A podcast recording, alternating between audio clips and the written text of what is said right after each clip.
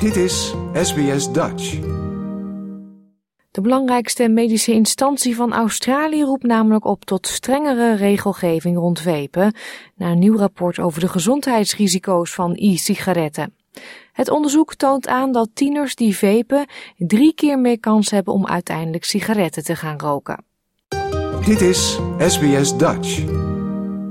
Ze worden steeds populairder, vooral onder tieners.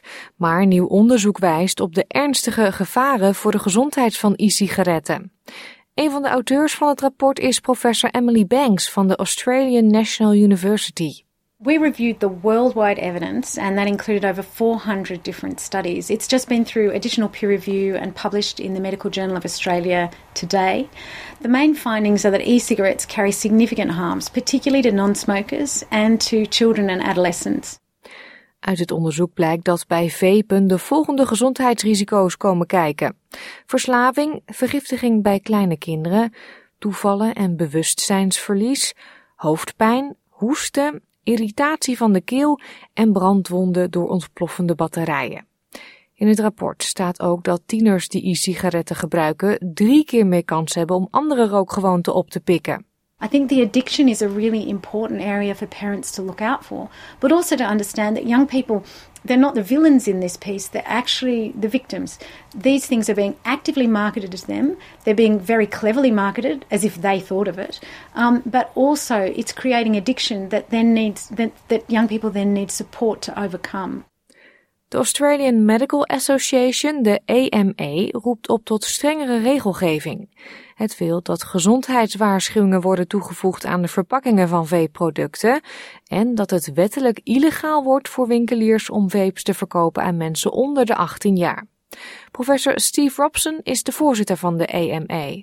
If we're going to protect Australia's next generation from the dangers of recreational vaping, then we need to at the very least enforce the laws that exist. The laws are there now, but they're being flouted, and we're seeing really lax enforcement from many states and territories. That's got to be step number one if we want to get rid of this problem. Vapes met nicotine zijn voor volwassenen alleen verkrijgbaar op recept. De Nationals roepen nu op tot regulering van de nicotine-vapes in overeenstemming met de tabaksindustrie. Dat zou het voor volwassenen mogelijk maken om nicotine-vapes te kopen zonder dat er een recept nodig is. Nationals-leider David Littleproud zei tegen ABC's News Breakfast dat regels voor jongeren moeten worden aangescherpt. So what we're saying is we've got to move with the market, got to understand the risk to our children, uh, and look to reshift uh, where the regulation is, and use some common sense. And I think you can look at how we've regulated for cigarettes in the past, where the point of sale, where reputable retailers or chemists uh, with vapes in particular could uh, be the ones that dispense these to people over 18. Maar co-auteur van het onderzoeksrapport Emily Banks zegt dat het receptmodel werkt.